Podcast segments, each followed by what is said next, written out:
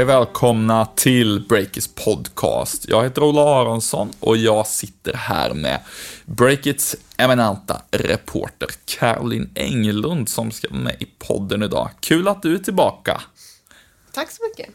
Ja, det ska bli härligt att podda lite idag. Det blir ett specialavsnitt då vi ska ägna hela podden åt eh, Spotifys börsnotering som ju ägde rum igår på tisdagen. Vi spelar in det här på onsdagen strax före lunch. Eh, ja, vi satt ju där och vakade hela kvällen och eh, det vi ska prata om nu är vad som egentligen hände på noteringsdagen och vad vi kan vänta oss av Spotify i framtiden som börsbolag. Mm, precis, men först kör vi lite vignett och ett meddelande från våra sponsorer.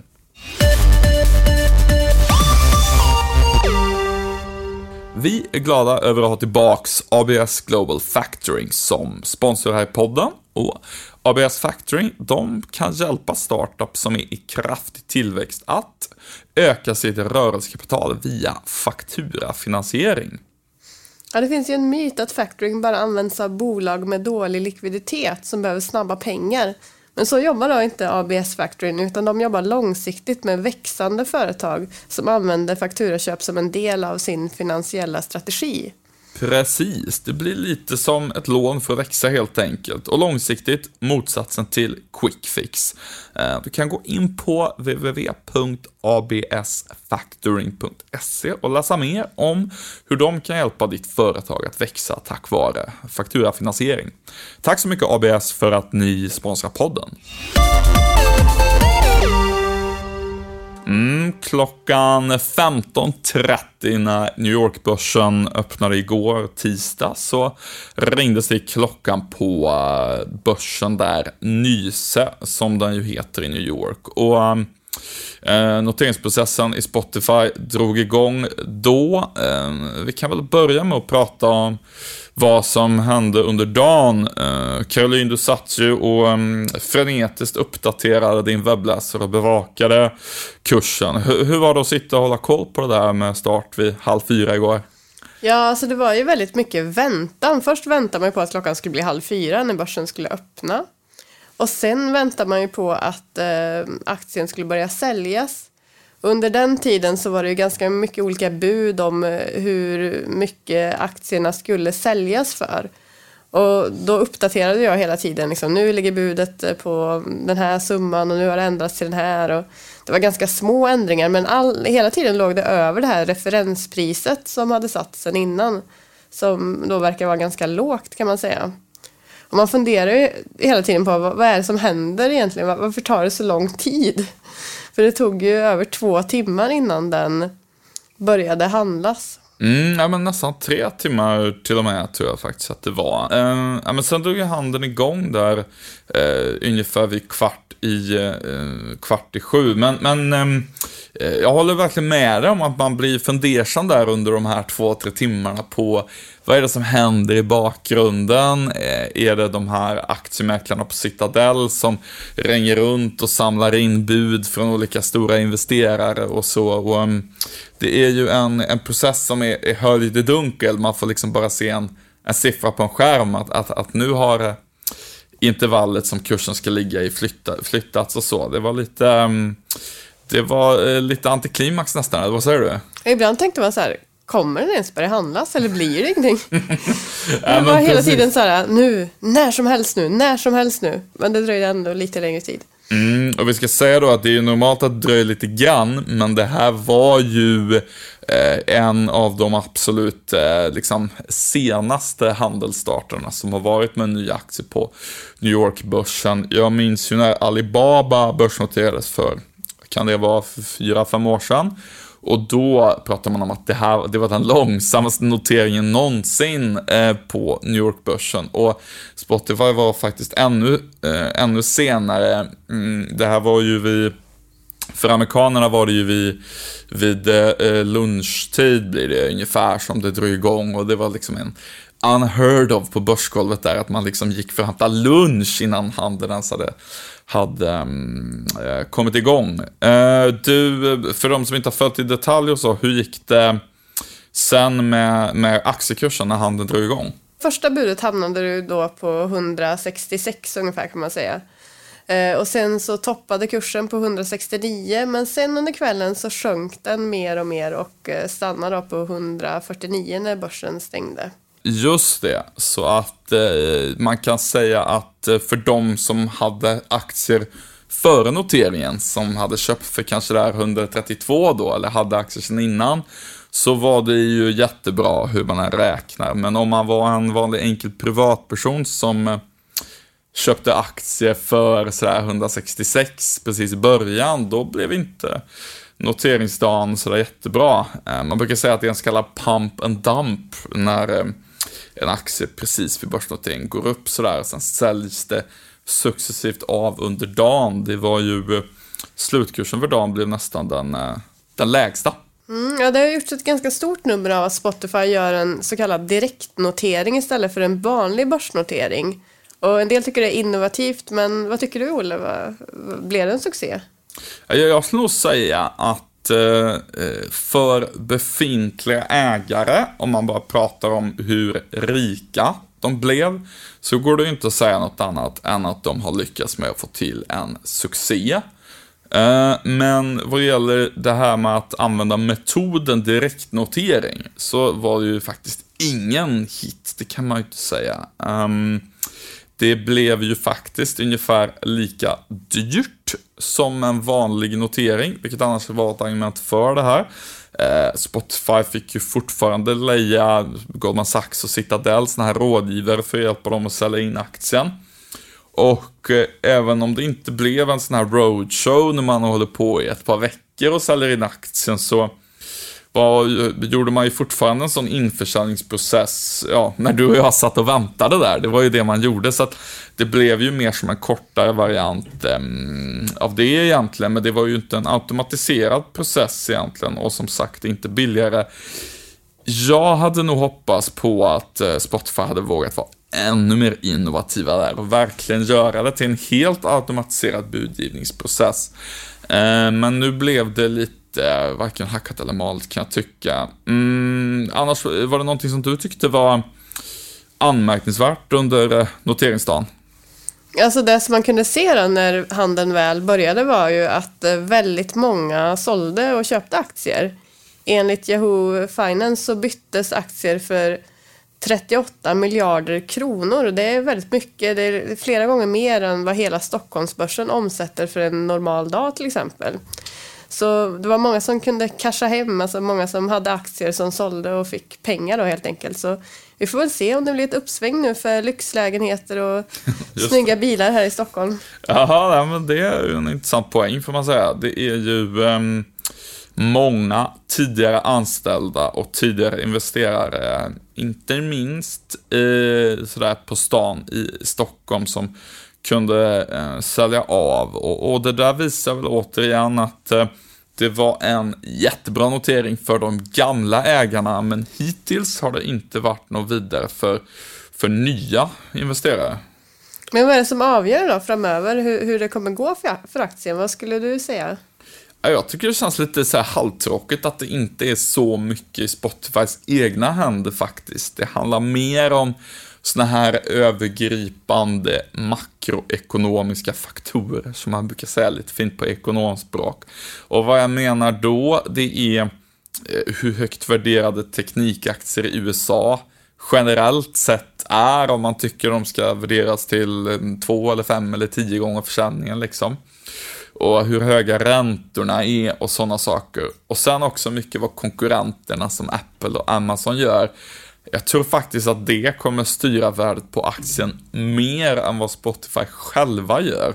Så att det är väl um, kanske uh, inte sådär um, ehm, uh, eh, jätteinspirerande på så vis att tänka vad som kommer styra aktien. Det är nog, de är nog lite fast i det allmänna börshumöret där.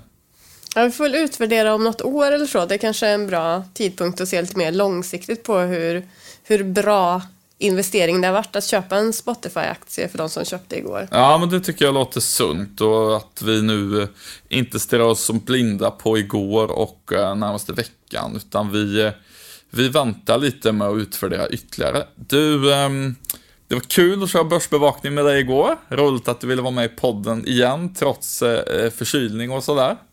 Ja, det var kul. Härligt. Du, eh, tack för mycket för att du var med. Så släpper vi in Jon Mauno Pettersson, vår nyhetschef, som ska prata lite om vad Spotify kan tänkas eh, lansera för nya initiativ för att växa som bolag. Mm, då har vi fått in Jon Mano Pettersson, Breakits eh, nyhetschef och ständig Spotify-expert här i studion. Eh, du satt och livesände i fyra timmar igår mm. eh, på Facebook under noteringen. Eh, till att börja med, vad var dina mm, intryck av Spotifys börsdebut? Nej, men det var en kul eh, eftermiddag och kväll tyckte jag. Vi, vi ekonomijournalister har ju väntat på det här ganska länge nu. Vi har ju rapporterat om den här börsnoteringen i flera års tid i princip. Att den närmar sig med stormsteg hela tiden och till slut kom vi fram till den. Uh, nej, men det var en spännande dag tyckte jag. Det var väldigt kul att följa och det gick väl ungefär som man hade förväntat sig skulle jag säga.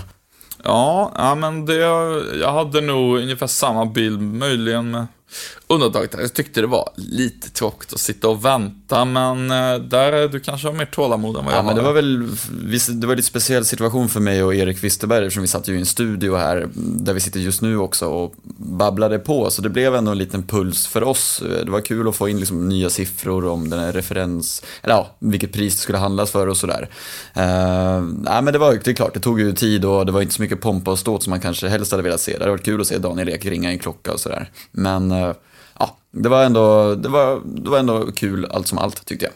Mm, ja, men du kanske hade lite roligare som fick eh, prata med Erik eh, live och så. Vi andra satt ju mest och stirrade på en skärm massa siffror. Ja, precis. Du, anledningen till att jag vill ha med dig i podden är ju att du är ju musikjournalist i grunden och väldigt bra koll på den branschen. Jag tänkte vi skulle eh, spekulera lite grann här kring hur Spotify, som nu är börsnoterat, kommer förändras som företag de närmaste åren. Mm. Mm, lite bakgrund här, de har ju då sålt in sig ganska tydligt Spotify till kapitalmarknaden med att de vill vara det nya Netflix. Um, deras finanschef, som är mycket hjärnan bakom börsnoteringen just, eh, var ju tidigare finanschef på just Netflix. Um, och Eh, då kan man säga att om de är nya Netflix så ska ju aktien gå upp jättemycket. Men eh, Många, till exempel Wall Street Journals krönikörer och så, har argumenterat emot och sagt att eh, Spotify kommer inte bli det nya Netflix för de måste betala så mycket pengar till artister och skivbolag hela tiden. De har mycket konkurrens från Apple och andra och eh, nu när de är börsnoterade så kommer Eh, pressen öka på att eh, Spotify visar att de kan bli lönsamma och en del ifrågasätter om de ens kan bli det faktiskt. Det. Ehm, så med hela den där debatten som utgångspunkt, hur kan Spotify göra för att bli mer eh, aptitliga för kapitalmarknaden. Ja, det är väl, låt säga, det är en stor skillnad mellan Netflix och Spotify till att börja med, just det där originalinnehållet som Netflix satsar stenhårt på. Man använder ju inte Netflix för att få del av all världens film, utan du köper ju Netflix för att få deras serier idag. Och, så är det inte med Spotify, och så har inte riktigt Spotifys vision varit från början. De har ju pratat ganska mycket om att de vill vara liksom den här bred, en plattform där all musik finns. Eh, och de har inte haft något eget exklusivt innehåll, men ja, ska de bli lönsamma, då, då kanske de måste börja med det. Eh, för nu betalar tar de ut mellan 70 och 80 procent av sina intäkter direkt till skivbolag och musikförlag och liknande. Eh, och det är ju, det är ju väldigt tufft. Det är svårt att skala upp, eh, hitta någon lönsamhet med den modellen så att säga. Eh, och visst, det är klart man skulle kunna satsa på att börja signa egna artister till exempel eller köpa upp existerande musikkataloger eller musikbolag som, som ja, sitter på de här rättigheterna så man slipper betala ut så pass mycket helt enkelt. Det, det är en möjlig framtidsvision och strategi för Spotify.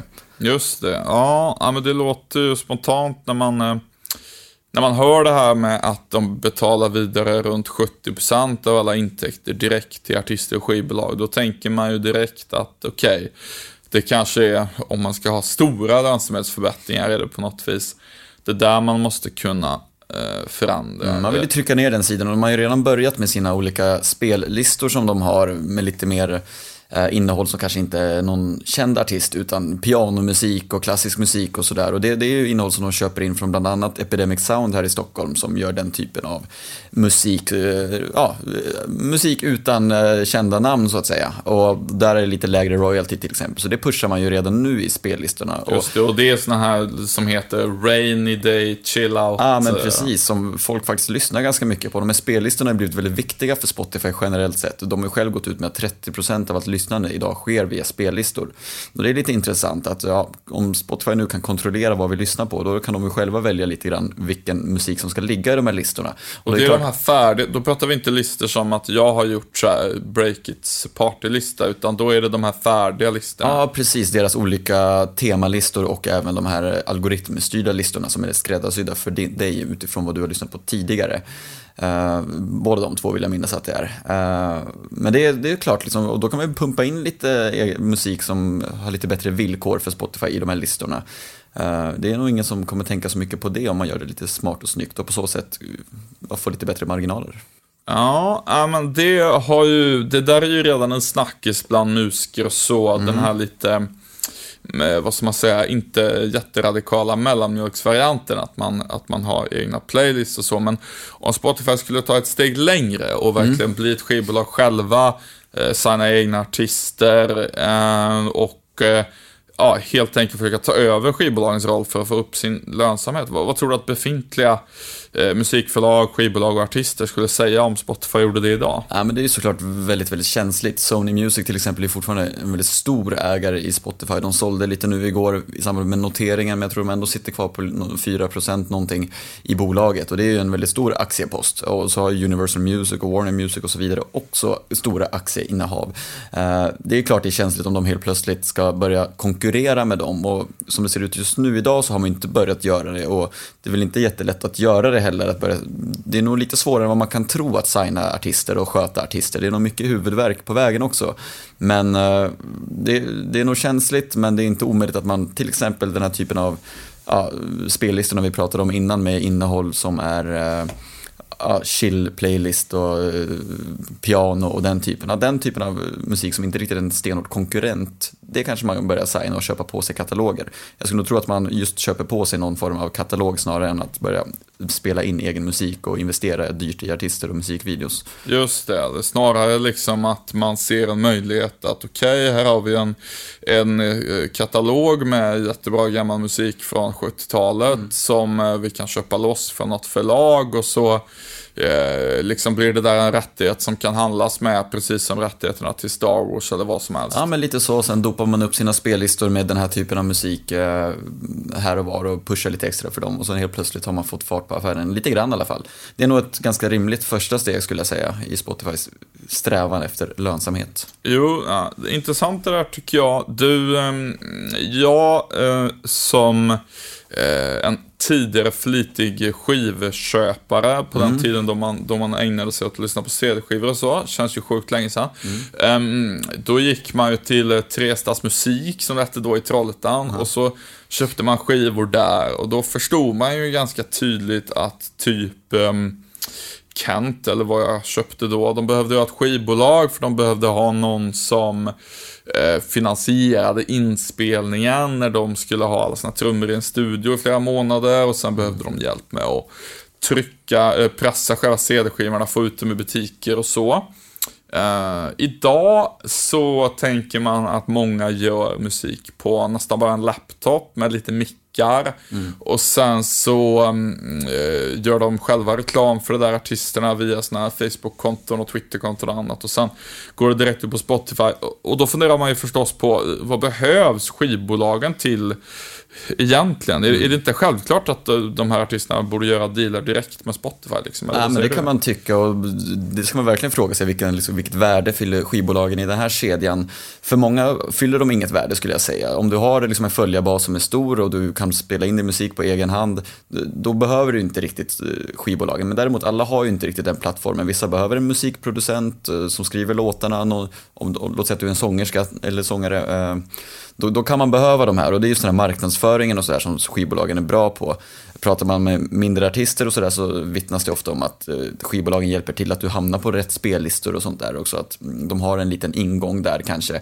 Eh, inte officiellt men ändå har en form av relation till de som sätter ihop de här spellistorna på Spotify. För det finns ju ändå människor där borta som sitter och styr över de här spellistorna som har väldigt stor makt.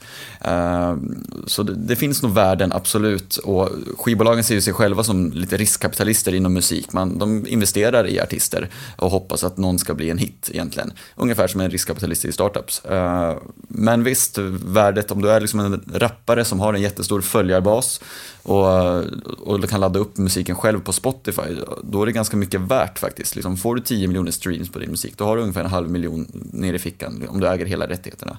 Det är ganska mycket pengar för en vanlig person och det är siffror som man kan nå upp till om du har stor följarbas själv redan. Just det, det slog mig här, jag minns den eh, minst sagt legendariska rapparen Ken Ring. Mm. Eh, han ringde ju upp alla förr som beställde hans låtar på nätet för att kolla att det inte var något fuffens och sådär. Han är väl typ en sån person som skulle kunna Ja, Kanske göra en deal direkt med, ja, med Spotify på, Jag vill minnas att han sitter på rättigheterna till sin musik numera. Och det är nog ganska lönsamt för honom som har en stor katalog som bara ligger där och tuggar på. Mm, ja men okej, okay. så att eh, det är för många artister kommer inte göra det, men vi kanske successivt kommer få se allt fler artister ändå göra direktdealar ja, med Spotify på ja, något men sätt. Det tycker jag man ser trender av. Inte just en direktdeal med Spotify, men ändå att man laddar upp musiken direkt på Spotify utan att ta hjälp med en mellanhand som Universal Music eller liknande.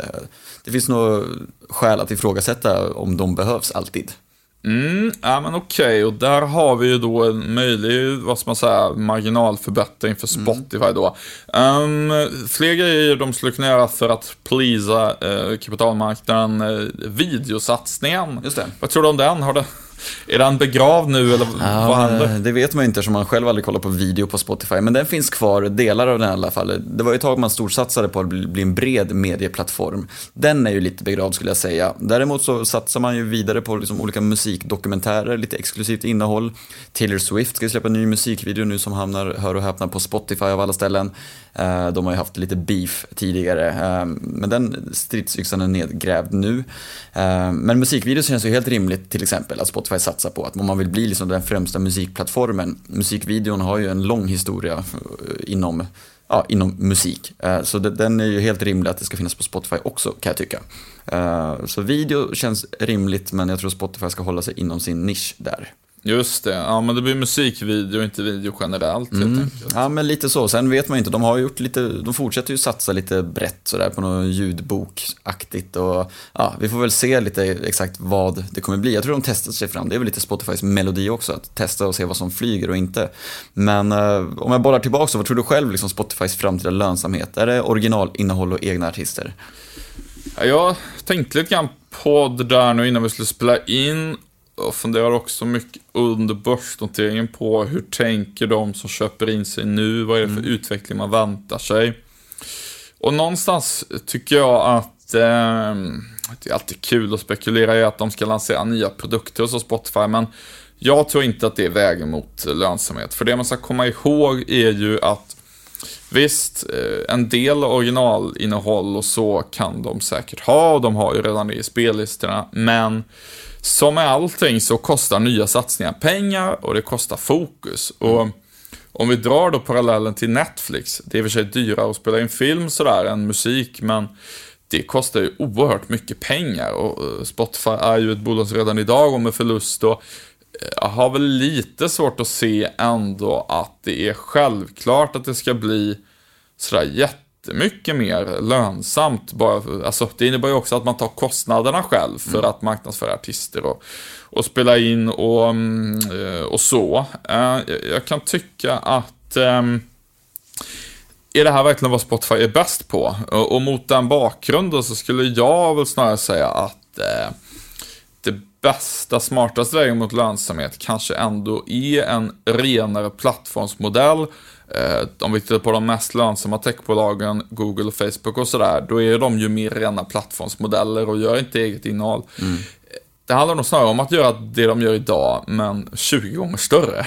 och sen eh, hur ska man press, sen pressa avtalen mot skivbolagen då i och med makten, så att säga. Ja, det, är väl en, det, det kan vara en del av det, men jag skulle säga så här att ehm, eh, någonstans är det ju, om, om de inte anställer några fler programmerare och sådär, alltså många av kostnaderna de har idag, om vi antar att många av kostnaderna de har idag är konstanta, om man formulerar det så, alltså att det finns en skalbarhet i modellen, då blir ju ändå lönsamheten lite högre ju större man blir, så att säga. Det, är, det kostar ju inte så mycket mer att ha en till som har Spotify-appen och betalar 99 kronor i månaden om man har en effektiv organisation och sådär. Och det, jag, jag, tycker att det känns som att det är liksom det Spotify är bra på. De är bra på att bygga en väldigt bra musiktjänst där man kan lyssna på en musik som är en ren plattform. Och de är bra på att konvertera över folk till att bli betalande och då kanske de bara ska fortsätta göra det men bli typ 20 gånger större och då, då tror jag ändå att eh, bygget går runt men det, det krävs mycket skala. Mm. Utmaningen där är ju någonstans om det blir en prispress från ett Amazon eller Apple att man ska lyckas fortsätta växa till den där skalan 20 gånger större. Liksom. Det är mm. Ja, men verkligen. Och det, men då kan man ju ändå säga att det är ju faktiskt Netflix problem också. Alltså Apple ska ju också investera i innehåll nu. Så att mm. om vi, eh, om vi, eh, hur ska man säga, alltså det är ju ett problem egentligen för väldigt många innehållsbolag. Där. Det kan alltid komma någon med jättemycket resurser och säga att vi ger det här mm. lite billigare. Jag vet inte, någon, någon, Apple startar någon nyhetstjänst eller något, vad vet jag, mm. eh, som konkurrerar med oss kanske. Men mm, jag tror väl ändå någonstans liksom att man blir ju en mäktigare spelare om man är riktigt, riktigt stor. Alltså om man är världsledande, då kommer liksom inte artister hur som helst hotar med att flytta och finnas bara på Apple om Spotify ändå är någonting som eh, många miljoner människor i världen, eh, kanske 5-10 gånger fler idag, använder och som artisterna får väldigt mycket intäkter från. Och, och, jag tror liksom det är där den här branschen kommer landa. Det blir lite som ett teleoperatörer, att det, det, det, kan vara tre stycken i ett land och alla de är jättestora och har hela marknaden. Och så har man ganska låga vinstmarginaler, men man, man klarar sig i kraften av sin storlek. Men eh, och om det finns fyra aktörer så brukar det någon köpa upp den fjärde så att det bara blir tre och sådär. Och då tror jag väl ändå att det funkar. Eh, om man inte tror att det funkar, då, då är ju Spotify liksom värt väldigt mycket mindre än idag. Mm. Alltså om man tror att det där är hopplöst någonstans. Men eh, jag tror väl ändå på kraften i fokus på en sak och kraften i att eh, skala upp det globalt och vara bäst på det. Annars så är det väl bara att vänta på att Mark Zuckerberg och de andra mm. blir någon sorts eh, världspresidenter och tar över allt. Liksom. Ja. men jag håller med fokusperspektivet, det känns ju extremt viktigt för Spotify. Uh, orosmålet är ju någonstans prispress skulle jag säga ändå. Uh, om det blir så. För det är nog väldigt många som inte bryr sig så mycket om hur smart liksom, rekommendationsmusiktjänst man har och inte har. Många vill ju bara lyssna på musik ibland, och lite grann. Alla är inte hardcore.